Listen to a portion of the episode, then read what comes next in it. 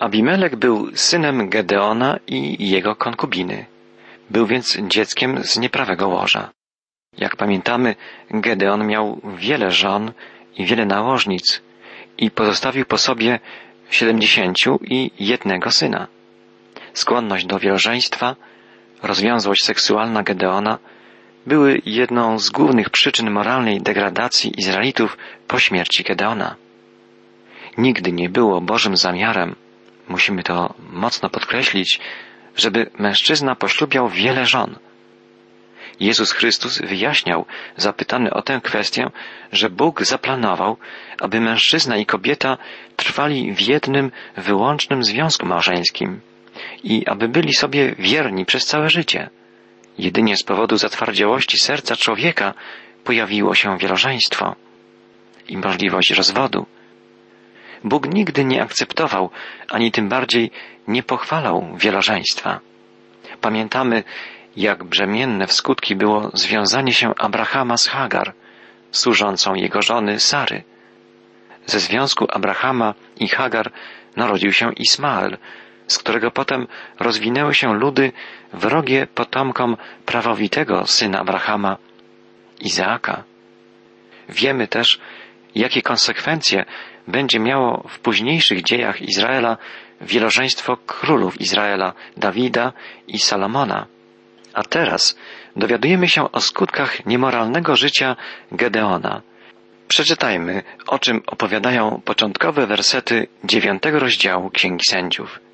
Abimelek, syn Jerubaala, czyli Gedeona, udał się do Sychem, do braci swojej matki i tak przemówił do nich, jak również do wszystkich członków rodu swojej matki. Sprawdźcie, proszę, by to, co mówię, dotarło do uszu wszystkich możnych Sychem. Co będzie dla was lepsze? Czy żeby panowało nad wami siedemdziesięciu mężów, wszyscy synowie Jerubaala, czy abyście mieli nad sobą tylko jednego człowieka? Pamiętajcie wszakże, że jestem z kości waszej i z waszego ciała. Bracia jego matki opowiadali o nim w ten sam sposób do wszystkich możnych miasta Sychem. Także serce ich skłaniało się ku Abimelekowi, bo mówili, to nasz brat. Abimelek, jak widzimy, jest bardzo przebiegłym i bardzo ambitnym synem Jerubaala, czyli Gedeona. Wiedział on o tym, że lud izraelski proponował jego ojcu objęcie tronu i że Izraelici, zachwyceni zwycięstwami Gedeona, chcieli go obwołać królem, a potem, żeby jego następcy zostawali y, królami na tronie Izraela, potomkowie Gedeona. Abimelek chce więc, jako syn Gedeona, zrodzony wprawdzie z nieprawego związku, ale jednak syn, chce zostać królem Izraela. Udaje się więc do miasta swojej matki, Sychem. Udaje mu się zyskać zaufanie i poparcie możnych tego miasta. Otrzymuje od nich srebro ze świątyni Baala, za które wynajmuje różnych awanturników i rzezimieszków i tworzy z nich swoją, jakbyśmy dzisiaj powiedzieli, bojówkę. Oddział awanturników, rzezimieszków. Przeczytajmy czwarty i piąty wiersz dziewiątego rozdziału Księgi Sędziów. Dali mu siedemdziesiąt cyklów srebra ze świątyni Baal Berita.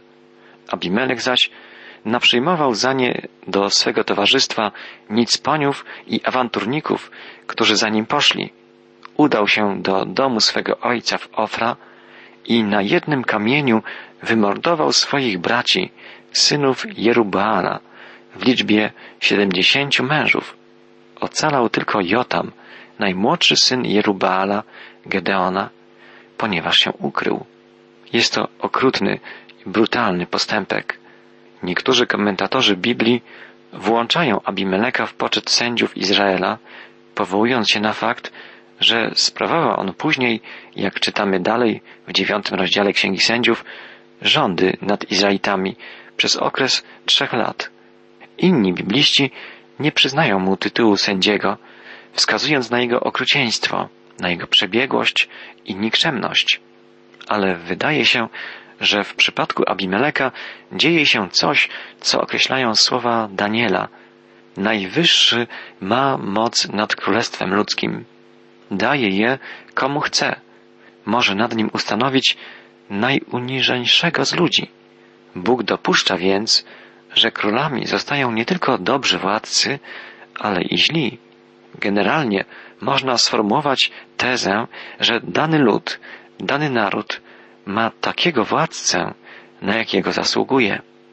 Izraelici chcieli mieć za króla Abimeleka i właśnie taki człowiek jak Abimelek został ich władcą na okres kilku lat.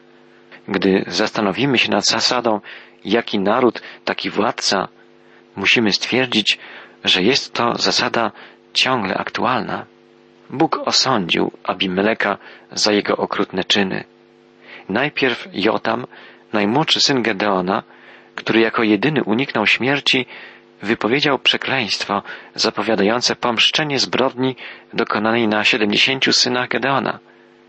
Potem wybuchła wojna domowa, podczas której sąd Boży dotknął także mieszkańców Sychem, tych, którzy byli odpowiedzialni za obwołanie Abimeleka królem. Rychło kilkuletni okres panowania Abimeleka, wypełniony przemocą, brutalnością, ciągłymi konfliktami i walkami, dobiegł kresu. W końcowych wierszach dziewiątego rozdziału Księgi Sędziów czytamy Następnie ruszył Abimelek na Tebes, obległ je i zdobył. W środku miasta znajdowała się twierdza dobrze obwarowana, w której znaleźli schronienie wszyscy mężczyźni i kobiety oraz wszyscy możni tego miasta. Zamknęli ją za sobą i weszli na dach twierdzy. Abimelek podszedł pod samą twierdzę i począł ją zdobywać. Kiedy Abimelek zbliżył się do bram twierdzy, chcąc podłożyć pod nią ogień, pewna kobieta zrzuciła na głowę Abimeleka kamień od żaren i rozbiła mu czaszkę. Natychmiast przywołał on swego giermka i rzekł, dobądź miecza i zabij mnie, aby nie mówiono o mnie, kobieta go zabiła. Przebił go więc giermek mieczem, tak, iż umarł. Kiedy mężowie izraelscy spostrzegli, że umarł Abimelek, odeszli każdy do siebie. I oto tak Bóg sprawił, że zło, które Abimelek wyrządził swemu ojcu, zabiwszy siedemdziesięciu swych braci, spadło na niego. Również wszystkie złe czyny mężów z Sychem skierował Bóg na ich głowy. Tak wypełniło się przekleństwo Jotama, syna Gedeona. I tak zakończył się smutny okres panowania Abimeleka, nieprawego syna Gedeona. Bóg prowadził Gedeona przez długi proces przemian. Ukształtował go na wyzwoliciela i przywódcę narodu, ale jego nieintegralne życie, jego rozwiązłość seksualna spowodowały, że syn Gedeona z nieprawego łoża zaprzepaścił w szybkim tempie cały dorobek ojca i cały naród poniósł konsekwencje błędu swego przywódcy. To także jest prawidłowość, której potwierdzenie znajdujemy zarówno w historii, jak i w wydarzeniach dnia dzisiejszego. Zwróćmy teraz naszą uwagę ku siódmemu sędzi Izraela, Toli. Dowiadujemy się o nim z początkowych wierszy następnego dziesiątego rozdziału Księgi Sędziów. Czytamy od początku rozdziału. Po Abimeleku dla wybawienia Izraela powstał Tola, syn Puły, syna Dodo, mąż z pokolenia Isachara. Mieszkał on w Szamir na górze Efraima. Sprawował sądy nad Izraelem przez dwadzieścia trzy lata, po czym umarł i pochowano go w Szamir. Jak widzimy, Tola nie uczynił niczego, co byłoby godne odnotowania. Dowiadujemy się o nim jedynie, gdzie mieszkał, gdzie umarł i gdzie został pogrzebany. Mimo, że sprawował funkcję sędziego przez dwadzieścia trzy lata, nie miał żadnych osiągnięć, niczym się nie wyróżnił ani nie zasłużył. Wzmianka o nim przypomina napis na nagrobku. Urodził się w tym i w tym roku, zmarł i w tym i w tym roku. O ósmym, następnym sędzim Izraela, którym był człowiek o imieniu Jair, dowiadujemy się niewiele więcej. Od trzeciego wiersza dziesiątego rozdziału Księgi Sędziów czytamy Po nim powstał Jair z Gileadu, który sprawował sądy nad Izraelem przez dwadzieścia dwa lata. Miał on trzydziestu synów, którzy jeździli na trzydziestu oślętach. Mieli przy tym trzydzieści miast, które jeszcze po dziś dzień noszą nazwę osiedli Jaira w ziemi Gilead. Umarł Jair i pochowano go w Kamon. Jedyną interesującą informacją, którą o Jairze tu znajdujemy, jest wiadomość, że miał trzydziestu synów i że każdemu z nich podarował osiołka. Gdyby to działo się dzisiaj, prawdopodobnie kupiłby każdemu z nich samochodzik. W życiu Jaira można dostrzec trzy zjawiska. Po pierwsze, dobrobyt bez celu. Po drugie, obfitość bez skutków. I po trzecie, prestiż bez mocy. Wyjaśnijmy to. W tamtych czasach osiołek był znakiem dobrobytu. Określał wartość człowieka, świadczył o jego zasobności. Na przykład w piątym rozdziale Księgi Sędziów znajdujemy słowa Wy, co jeździcie na białych oślicach, wy, co na kobiercach siadacie. I słowa te skierowane są, jak widzimy, do ludzi zamożnych. Posiadanie osiołka świadczyło o dobrobycie. Osiołek był zwierzęciem, na którym jeździli nawet królowie. Koń był zwierzęciem wojny, a osiołek zwierzęciem pokoju. W Biblii osiołek najczęściej kojarzy się z czasem pokoju, z czasem pomyślności, a także królewskiej godności. Pamiętamy, że Pan Jezus wjechał do Jerozolimy na osiołku. W ten sposób wypełniło się proroctwo Zachariasza. Wesel się bardzo, córko syjońska. Wykrzykuj, córko jeruzalemska. Oto Twój król przychodzi do Ciebie, sprawiedliwy on i zwycięski, łagodny i jedzie na oślęciu, źrebięciu oślicy. Często źle interpretujemy te prorocze słowa Zachariasza. Prorok nie miał tu na myśli tego, że Jezus był tak pokorny, iż wjechał do stolicy na małym osiołku. Jezus był pokorny, pomimo tego, że wjechał do Jerozolimy na oślęciu. Gdyby Jezus nie był królem, nie mógłby wjechać na osiołku do Jerozolimy przy wtórze okrzyków Hosanna, błogosławiony, który przychodzi w imieniu Pana. Sędzia Jair bez wątpienia był człowiekiem zamożnym i zajmującym wysoką pozycję, skoro był w stanie podarować swoim synom trzydzieści osiołków. Podarował każdemu ze swoich trzydziestu synów własnego osiołka. Był szczodry, ale prawdopodobnie tylko wobec swoich synów. Zepsuł ich, tak jak czyni to dzisiaj wielu bogatych i zajmujących wysokie stanowiska ojców. Nie czytamy o żadnym z synów Jajra czegokolwiek pozytywnego. Nikt z nich niczym się nie wyróżnił. Nikt nie uczynił nic pożytecznego dla swego ludu.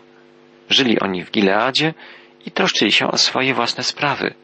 Interesował ich zapewne tylko materialny dobrobyt, zabezpieczenie swojej przyszłości. Nic dziwnego, że czytamy, iż stali się oni właścicielami trzydziestu miast. Byli właściwie prekursorami dzisiejszych elit politycznych i społecznych. Własność, dobrobyt materialny, dostatek, oto rzeczy, którymi żyli. Niestety, tego rodzaju materializm szerzy się dzisiaj powszechnie i, co szczególnie smutne, nie omija także chrześcijan. Jest oczywiste, że nie ma nic szczególnie zdrożnego w samym posiadaniu jakichś dóbr, tak jak w przypadku synów Jajra osiołków. Nie ma jednak także nic dobrego i nie wynika z tego nic pożytecznego, że ktoś pełniący funkcję przywódcy narodu zajmuje się głównie zapewnieniem dobrobytu swoim synom. Nasz Pan, Jezus Chrystus, wjechał do Jerozolimy na osiołku, wypełniając proroctwo Zachariasza, ukazując przez to swoją mesjańską królewską godność. Lud wielbił go i śpiewał mu Hosanna. Szatan był wtedy zagniewany, oburzali się fanatyczni przywódcy religijni, protestowali przeciw wkroczeniu Jezusa do Jerozolimy w taki sposób, który wskazywał na Niego jako na Mesjasza. Natomiast z ujeżdżania osiołków przez synów Jajra nie wynikło nigdy nic pożytecznego. Lud okazywał im obojętność, albo co najwyżej podśmiewywał się z ich wybryków.